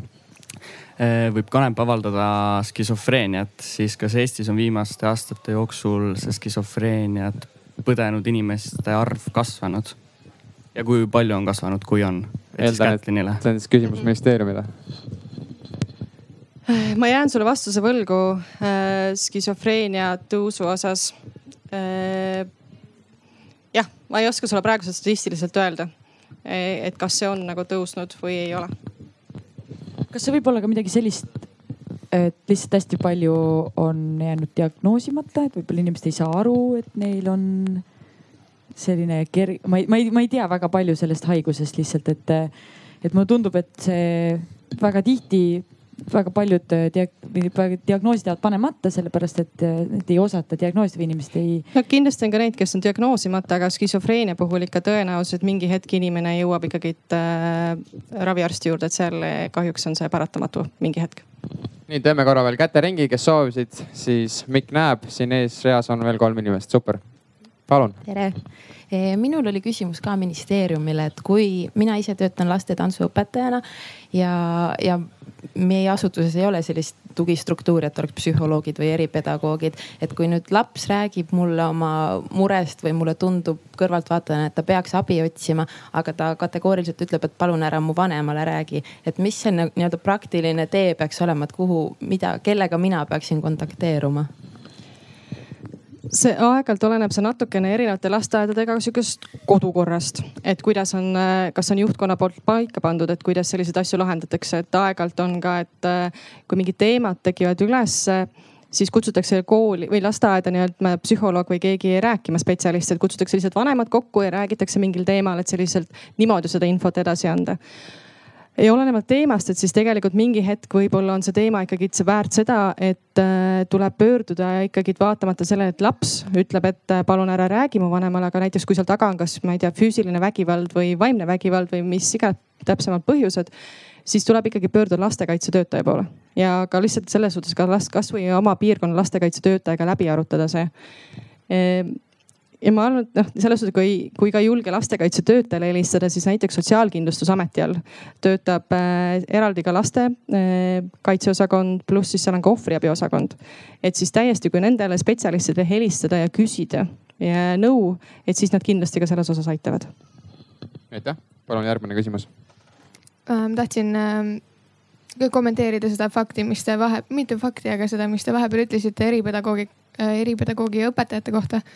Et kuna ma ise seda õppisin ja nägin seda päris kõrvalt ja lähedalt kõike seda, mis seal toimub, siis äh, minu jaoks kõige suuremaks probleemiks jäi see, et äh, jah, eripedagoogid saavad väga laia hariduse ja nad näevad väga palju kõrvalt. Nad oskavad sind kindlasti aidata, aga tavaõpetaja saab äh, teada eripedagoogi ähm, oskustest minimaalselt. Nad ei oska suunata, nad ei oska suunata lapsi, kellel on äh, mentaalsed probleemid, nad ei oska suunata lapsi, kellel on vaimsed probleemid. Seal on, ei ole nagu ühte head lahendust ning äh, nüüd on Tallinna Ülikool, vähemalt Tallinna Ülikool on otsustanud äh, lõpetada eripedagoogika kaugõppe mis on äh, väga kurb asi, sellepärast et inimesed, kes jõuavad eripedagoogikani, on väga tihti vanemaealised, kes juba töötavad ning meil jääb juba sellepärast päris palju inimesi ja abi saamata, kuna nad lihtsalt ei saa hariduseni, kuna päevaõpe ei ole neile sobilik. Ja see on jah, ma väga lihtsalt tahtsin öelda, et ma nõustun sellega ning see probleem on väga-väga laialdane ja see hakkab juba, juba ülikoolidest peale jah, kindlasti on üks asi on õppeasjad, aga tegelikult on ka haridusministeeriumi poolt on väga hästi välja toodud õpetajatega sihuke täiendõppeprogrammid. aga eks alati on see inimfaktor on iga asja juures, et mõni äh, spetsialist võib käia ka erinevatel koolitustel ja ta ei võta seda teadmist endale kunagi külge. ja teine ilma koolituse asjadeta lihtsalt inimesena on palju empaatilisem ja suudab asju väga lahendada erinevalt. aga kindlasti need õppe paindlikkused asjad, et see ei ole mitte ka ainult eripedagoogide, vaid see on ka kõigi teiste spetsialistide puhul, et kindlasti teema kas ma võin, kas ma võin korraks no. vahele kommenteerida, et hästi olen hästi nõus. Äh, minu ema on õpetaja ja ma näen kõrvalt, kui palju neile tegelikult pakutakse erinevaid äh, täiendkoolitusi. ja mulle tundub, et see on natuke see, et äh, kuna sa pead midagi võtma, siis sa lihtsalt suvaliselt valid midagi ära, sellest et õpetajate töökoormus on väga suur. mitte ainult sellepärast, et sa pead, et sa istud see X arv tunde seal, aga ma näen oma ema pealt, kuidas ta ütleb, et tal on, ta näeb, kui kehvas seisus on lapsed, et ta ta istubki tunde peale oma, oma tööaega tegelikult seal ja räägib lastega. ja ma olen nõus äh, ka selle eelmise küsimusega, kes ütles, et äh, töötab lastetreenerina. mina töötasin ka lastetreenerina ja mul võttis aeg-ajalt äh, viisteist minutit enne treeningu algust aega, sest et ma ei saanud tunniga alustada, sest nad lihtsalt tahtsid minuga rääkida. Nad tulid, võtsid mul käest kinni ja lihtsalt tahtsid sellist lähedust saada et äh, ma ei tea nüüd, kus ma siia jõudsin selle jutuga, lihtsalt tahtsin seda kommenteerida.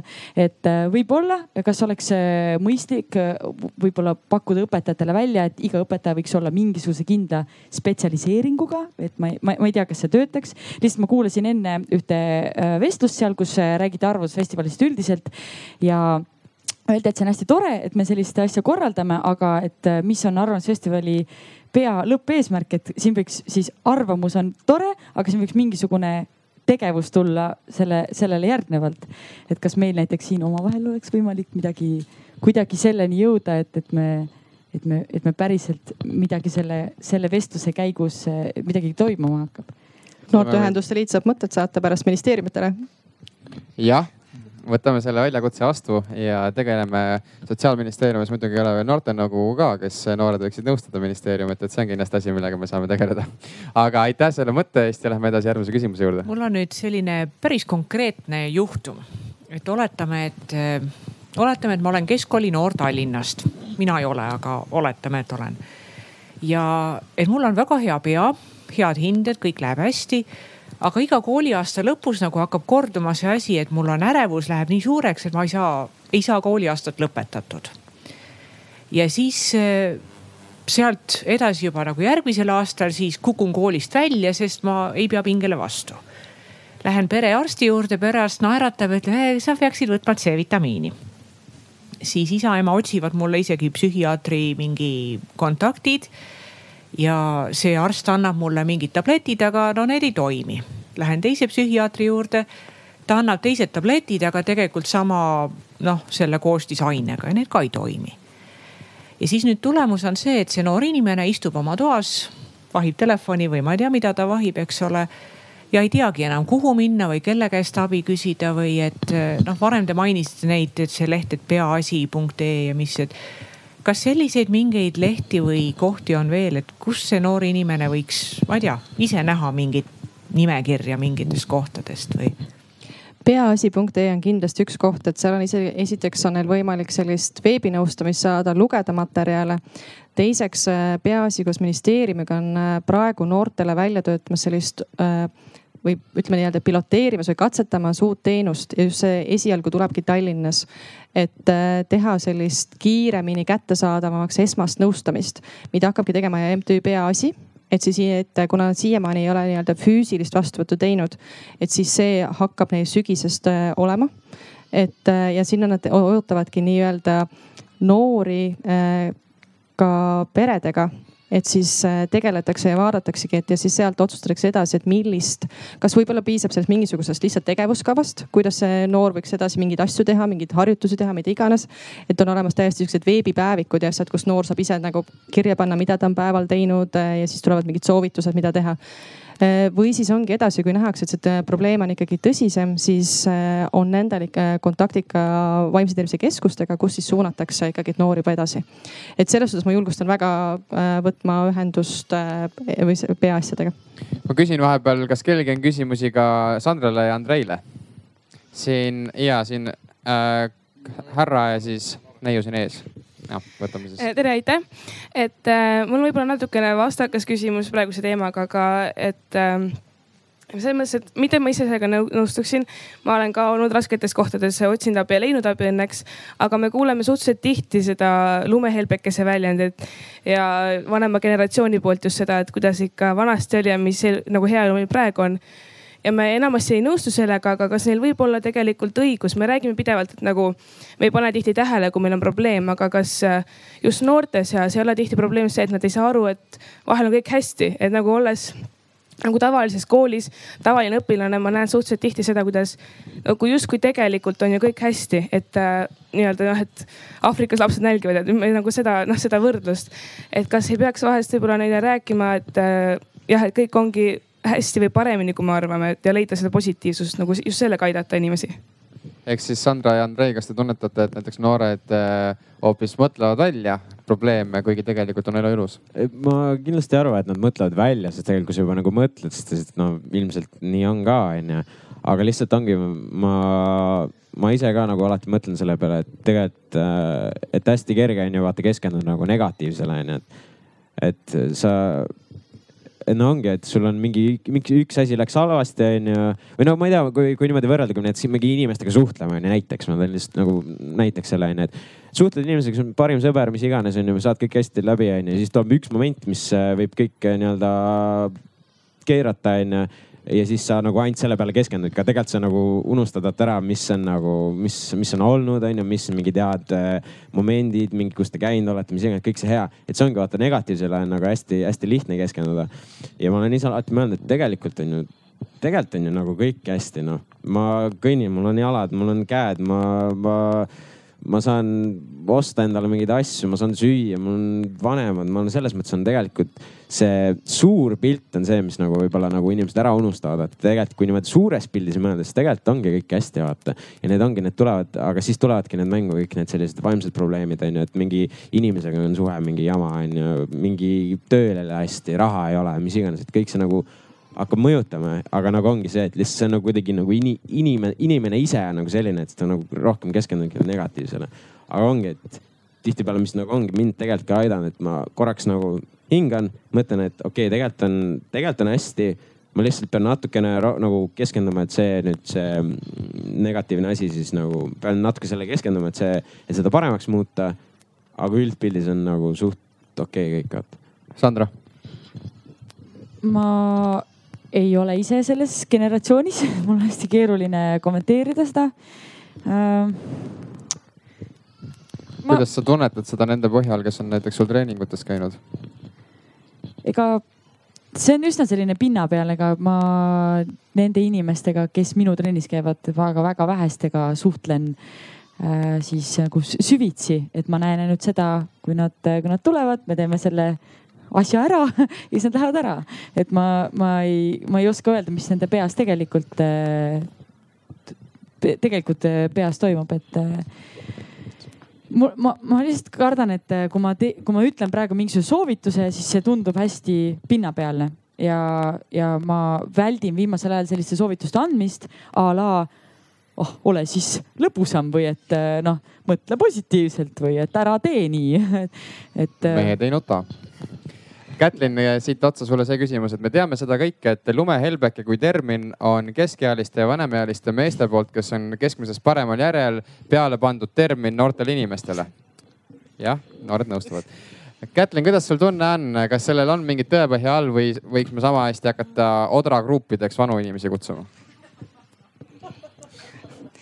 Ma arvan, et äh, see kuidagi kõlab igale põlvkonnale, iga vanem põlvkond arvab, et äh, järgmine põlvkond temast on hukas ja hullem kui kõik eelmised.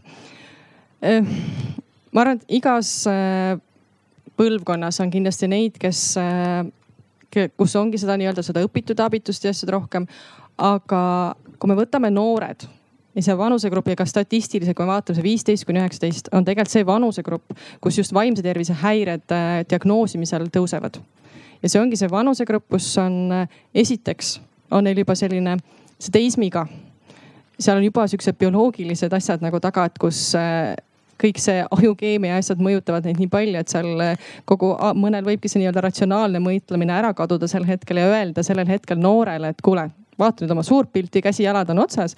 et siis see, et see, et tal tegelikult kõrval võib-olla on üks väga noh, täiskasvanu inimese pealt vaadates tundub mõttetu tüli oma sõbraga, siis äh, nii-öelda see teismeeas see kuuluvustunne ja see vajadus äh, olla kuskil grupis on nii tugev et, äh, et see mõjutab selles osas ikkagi kõiki teisi, et me võime vanematena mida iganes seal kõrval rääkida või ka aeg-ajalt sõprade või spetsialistidena, et siis see et tegelikult me peame ikkagi neid probleeme ja asju lähtuvalt vaatama ikkagi sellest, selle inimese ja selle vanusest ja tema nagu sellest, et see on hetkel tema probleem ja kui meile tundub kõrvalt, et see on mõttetu, siis tegelikult see ei, tema jaoks ei ole ja sellest me peame ka lähtuma. et ja mina ei ütleks, et noored on meil kuidagi hukka läinud, et lihtsalt tegelikult kogu selle infotulvas asjas, mis noored peavad äh, hakkama saama et äh, me lihtsalt aeg-ajalt võib-olla täiskasvanutega ei mõista seda. et, et see kiirus ja see ootused, mis me paneme peale, et kui, kui noor mitte ei vali enam seda, et äh, noh, millisesse keskkooli läheb või midagi sellist, ta valib võib-olla juba vanemate sunnil või kui mis iganes põhjusel ka selle, et millisesse riiki ta läheb. et kus ta õppima hakkab ja, ja on tunne selliseid, et äh, kui ma nüüd kohe nagu siin kuuendas klassis saan mõne võib-olla mingi kolme tunnistusele või asjale, siis minust äh, nagu head äh, mingit spetsialisti või sihukest tugevat tegijat või oma firma loojat enam kunagi ei saa. et selles suhtes on hästi suur roll on ikkagi meil täiskasvanute vanematena, et millised ootused ja milliseid, millised on meie kodune õhkkond et kogu see asi, et tulles siia ka ennem härra Parve küsimuse või asjade juurde, et, et noored, et see alkohol ja narkootikumide küsimus, et nad lahendavad oma probleeme sellega. siis tegelikult mina siin, et see on ikka mingite asjade juba tagajärg et me peame vaatama nagu sammud ettepoole, kus on asjad jäänud tegemata. ja seetõttu ongi hästi oluline, et pannakse rõhku ka ütleme, et nagu vanemaharidusele, et me vanematena oskaksime paremini äh, kasvatada ja, ja see ei ole see ainult, et äh, vanemlikel hariduslikel nagu sellistel loengutel peaksid käima ainult need, kellel on probleemid. ei, see on kõigile et selles suhtes, et me võime arvata, et meil on väga head lapsevanemad, aga sealt saab väga hästi väga lihtsaid nippe, mis aitavad meil veelgi paremini. ja kogu see, et milline on meil kodune õhkkond, et väga tihti on see lihtsalt see surve ja see pinge, mis on kodus, kasvab lastega kaasa ja kui sealt juurde tulevad veel kõik nagu east ja ütleme, et noh sellisest koolipingest ka tulenevad, et on, mul on hea meel, minu arust koolisüsteem on meil natukene nagu muutumas selles suhtes, et eh, võib-olla ongi see, et see on see murdumishetk, kus noored lihtsalt ei jaksa enam. et me peame läheb rohkem minema sellelt samasse faktipõhiliselt õppe, et me peamegi minema rohkem sellisele paindlikkusele ja sellesama nagu, mis siin räägiti, et eh, mis on teistes riikides ammu olnud, et sihuke arutelu ja mõistmine ja arusaam. et eh, et kõik see, et kui me ütleme, see vanemaharidus, koolisüsteem ja kõiki neid asju tegelikult on need, mis nagu neid noori selles vanuserühmas mõjutavad. selle lumehelbekese terminoloogia juures tuleb kindlasti arvestada ka sellega, et äh, lihtsalt tänapäeva noored teadvustavad rohkem võrreldes teiste generatsioonidega sellest, mis punkt A meie ümber toimub ja punkt B, mis sinuga toimub. ja sellest tulenevalt vanem generatsioon lihtsalt tihtipeale ei saa sellest aru. küll aga võtame viimase küsimuse siit eest äh, ja siis liigume lõpuvooru juurde palun vabandust, et see viimane küsimus tuleb selline hästi morbiidne. aga tegelikult on nii, et äh, vaimne tervis võib lõppeda enesetapuga. Andrei, sina ütlesid ka, et sul vist olid mõned äh, sõbrad, kes on seda teed läinud. et kas sa nagu tunned inimesena, kes jäi neid äh, tagajärjel igatsema, et kas ähm, sa suutsid sealt mingisugused õppetunnid kaasa võtta või kas selle teemaga tegeleti? Et, et kui keegi su kõrvalt teeb selle enesetapu või enesetapukatse, et kas sina näed, et sul on ka nüüd ühiskond toetab sind, et sa saad sellest õppida ja teisi aidata? Uh, pigem just ma ei usu, et nagu keegi nagu tuleb sulle nagu sellest rääkima, vaata, et noh, kõigepealt ikka tegeletakse vaata noh, mingi, ma ei tea, vanematega või reaalselt nagu lähedastega onju, et. aga nagu ise nagu sõbrana vaatan see, et uh, kuidagi toob maa peale tagasi vaata selline sündmus.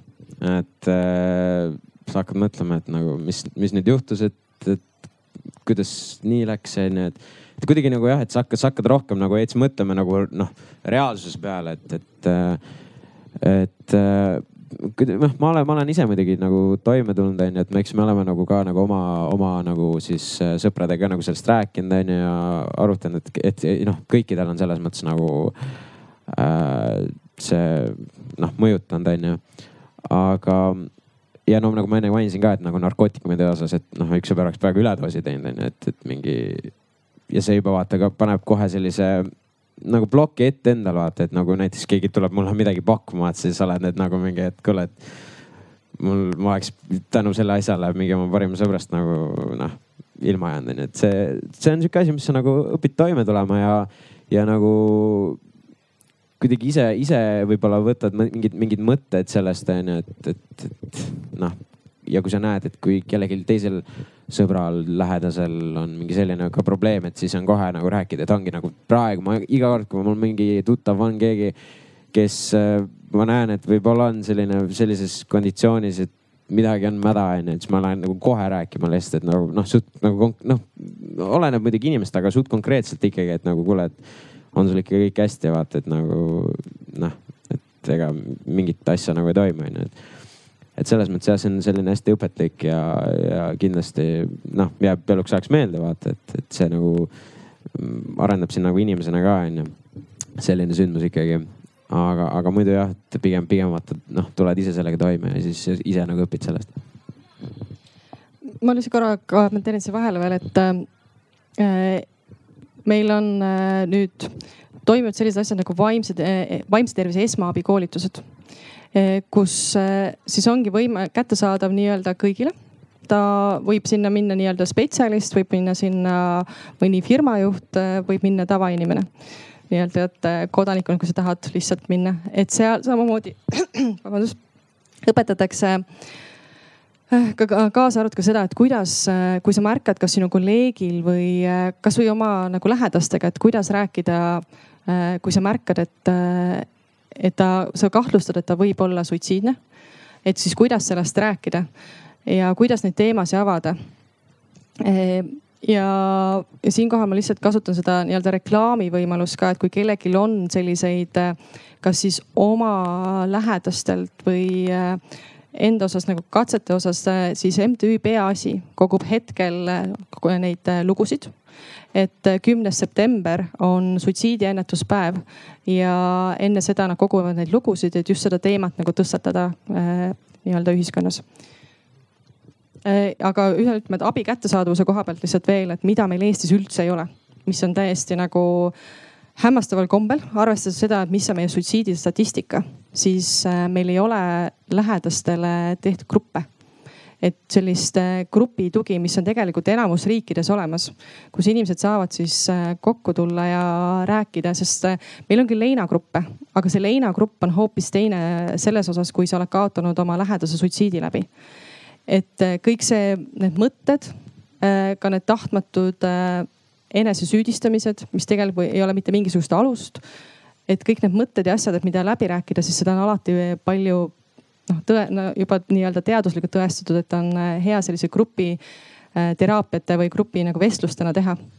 Ja see on üks asi, millele me oleme ka nüüd äh, tähelepanu pööramas ja loodetavasti meil siis järgmisest aastast juba saame öelda, et meil on äh, vähemalt kuskil suuremates keskustes sellised grupid toimimas ja nüüd arutelu lõpu, lõpe, lõpetuseks, et äh, võtta see kõik nüüd äh, kokku, siin vahepeal käis ka see nii-öelda kasutegur sellest arutelust läbi, et kindlasti Eesti Noorteühenduste Liit jätkab äh, Eesti Noorte Vaimse Tervise Ühinguga koostööd Sotsiaalministeeriumis.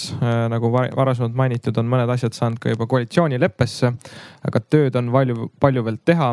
ja sellised arutelud ongi head selliseks nii-öelda vahetamiseks nii rahva kui ka siis, ka siis riigiasutuste või, või ekspertide ekspertide vahel. et nüüd olekski lõpuküsimus teile, et tänasest arutelust äh, algusest lükkaks palli ministeeriumi ajada, et mis, mis on võib-olla need ideed, mis äh, mis sa need äh, kaasa võtaksid näiteks sellesama tegevuskava koostamisel, äh, kus on siis ka võib-olla konkreetsed äh, rahanumbrid taha, taga, et kus saavad võib-olla noored siis abi tulen, saan meelde tuletada veel ka meie mõjuisikutele ja, ja siis teil oleks küsimus, et äh, mis teie võib-olla enda nii-öelda sellises ringkonnas või sotsiaalmeedias äh, võib-olla tulevikus teete, et noorte siis võib-olla vaimse tervise probleeme ennetada mm? -hmm riigi poolt on meil olnud, millele me rõhku paneme hetkel ja ka, mis on lähiaastatel, on ikkagi seesama vanemaharidus meil on selline programm olemas, mida Tervise Arengu Instituut äh, läbi viib, on Imelised aastad.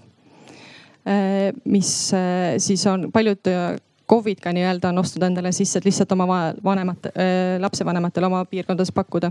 siis samamoodi on meie fookuses ka kool. kogu see sotsiaalsete, emotsionaalsete oskuste programmid koolides ja lasteaedades.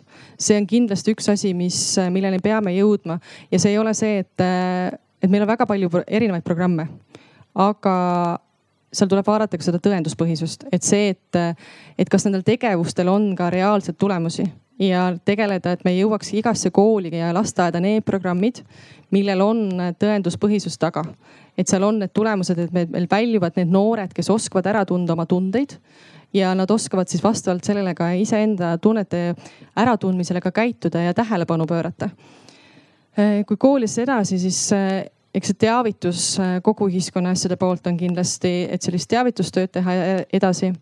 Eh, hästi palju rõhku paneme praegu ka vaimne tervis töökohtadel et ka tööandjad, äh, et me tihtipeale räägime just lastest ja noortest, aga tegelikult need täiskasvanud, meie ise, sest ka meie ise nii-öelda lapsevanemate asjadele, et millise stressi, kui meie endaga ei ole kõik korras, et millise stressi ja probleemi nii-öelda ärevuse võime tekitada oma lastes et siis kõik see töökohtade vaimne tervis ja see, et koolitadagi tööandjaid ka sellele tähelepanu pööramas, pluss siis selle aastast on tööandjatel kohustus Äh, äh, siis äh, teha riskianalüüsi oma töökohtades psühhosotsiaalse keskkonna osas. ja juba see lühikese ajaga isegi on tulnud väga head tagasisidet suurt, suurtelt ettevõtetel, kes ütlesid, et me ei tulnudki selle peale, et me ise arvasime, et meie probleemkoht on rohkem seal, aga tegelikult nüüd tuli välja hoopis seal. et on hoopis see töökoht, see, mis tekitab kõige rohkem pingeid ja sihukest läbipõlemist inimestele et sellised väga lihtsad asjad, pluss siis veel, kui lähme vanuseti edasi, siis äh, ka seesama see eakate üksindus ja kõik see, äh, kogu see hoolekande pool. et äh, kui me oleme rääkinud ka lähedaste hooldajatest ja asjadest, et kõik need asjad on need, mida arendatakse, mis lõppkokkuvõttes peaks meil kogu ühiskonna vaimset tervist nii-öelda parandama ning Sandra ja Andrei, mis te võtate kaasa, mis te teete võib-olla tulevikus siis täiendavalt või teistmoodi? Äh, ma võtaks kaasa seda, et äh, tegelikult noh, mm, see on, äh, kui te olete nagu sellises nii-öelda sotsiaalmeedias ma räägin, ma olen nagu ise selles sees ja nagu lihtsalt nagu ärge, ärge võib-olla uskuge seda kõike, nagu me enne siin rääkisime, et jälgige neid inimesi, keda te tahate jälgida, kes on reaalselt positiivsed inimesed. ja, ja võib-olla minu nagu võib-olla veel soovitus oleks ka inimestele, et tegelege nagu iseendaga, sest see see, et kui sa, sa iseennast nagu tead, onju, et sa, noh nagu ma ennem rääkisin, kuidas nagu ma iseennast nii-öelda siis avastasin, onju, et. et ongi, et sa nagu õpidki tundma ennast, õpidki, saadki aru, vaata, mis sulle meeldib teha, mis sulle ei meeldi, et tegele kindlasti endaga. ja kui te ise ei oska kusagilt alustada, siis pöörduge, pöörduge nii-öelda siis äh, spetsialisti juurde. ja, ja ah, üks asi veel, et ärge olge inimeste vastu kurjad et äh, see on ka üks probleem, millega mina kogu aeg kokku puutun, et kuna noh, ongi sealt sotsiaalmeedia tegelane on ju, siis, siis iga asi, mis sa teed, on ju, et see on äh, kohe tuleb äh, nii-öelda siis kriitika nupu alla onju, et, et, et lihtsalt nagu ärge olge inimeste vastu kurjad onju, et mina, mina püüan alati ikkagi, või noh, ma ei püüa, ma lihtsalt olengi, et nagu ma ei, ma ei nii-öelda judge'i, mis ma ütlen selle kohta siis. ei hinda ei, ei hinda ei, nagu, et ma ei, jah, ei hinda nii-öelda kedagi nagu negatiivselt onju, et igal inimesel on mingi probleem, igal inimesel on omad, omad teemad. ja kui sa hakkad äh, mingit muud asja nagu surkima onju, et siis see tekitab veel rohkem stressi ja lõppude lõpuks ongi see, et kui sa oledki nagu näiteks äh, selline, ma ei tea, sotsiaalmeediategelane, mis iganes onju, et äh, siis kui lõppude lõpuks on seda, seda, seda kriitikat ja seda asja nagu nii palju onju, et siis mõni inimene võib lihtsalt murduda onju, et, et, et lihtsalt nagu ärge, ärge olge, ärge olge kurjad onju. ja Sandra, sa saad panna nüüd selle kirsi toodile oh. -oh. Äh, ja ma selles mõttes duubeldan, et äh, kui me tegeleksime rohkem iseendaga, siis me ei jõuaks väga mõeldagi selle peale, mida noh, mis, kuidas teistel on, et äh, ja seda siis nagu selles negatiivses mõttes, aga mulle tundub, et siin on päris palju just vanemaid ja lapsevanemaid, et noored vist no,, noori on ka veidike. tundub, et lapsevanematele see, vanematele see läheb, see teema läheb palju rohkem korda, et et lihtsalt, äh, ma ei tea, rääkige teineteisega äh, rohkem ja rääkige mitte ainult sellest, et äh, kuidas sul läheb või kuidas, mis, mis sa tänapäeval tegid, et aga, aga küsi võib-olla, võib-olla sügav, rohkem sügavuti siis teineteisega suhtlemist. ja siis üks asi, mis ma veel tahaksin öelda, et, et kui näiteks sotsiaalministeeriumil on mingisugust abi tarvis meie poolt, siis mina oleksin küll väga rõõmus või hea meelega abis kaasa aitama, aga ma väga tahaksin teada, et mida ma pean tegema selleks, et ma saaksin kasulik olla. sest et äh, hästi palju on kampaaniaid ja kampaaniad, ma üldse ei demoniseeri kampaaniaid, need, neid on ka tarvis, aga pikemat pilti seda mõtleme, mõtleme pikemas perspektiivis, et. Äh, väga hea, sotsiaalministeerium sai partneri potentsiaalse endale siit juurde. Äh, küll aga austatud publikum selle pooleteise tunni jooksul oleme mõni minut ka ajast üle läinud, lugesin mina hinnanguliselt kokku siit kaheksakümmend kuni sada inimest ja kogu aeg oli siin vähemalt seitsekümmend inimest kohal. tehke endale ja meie ekspertidele meeletu suur aplaus, aitäh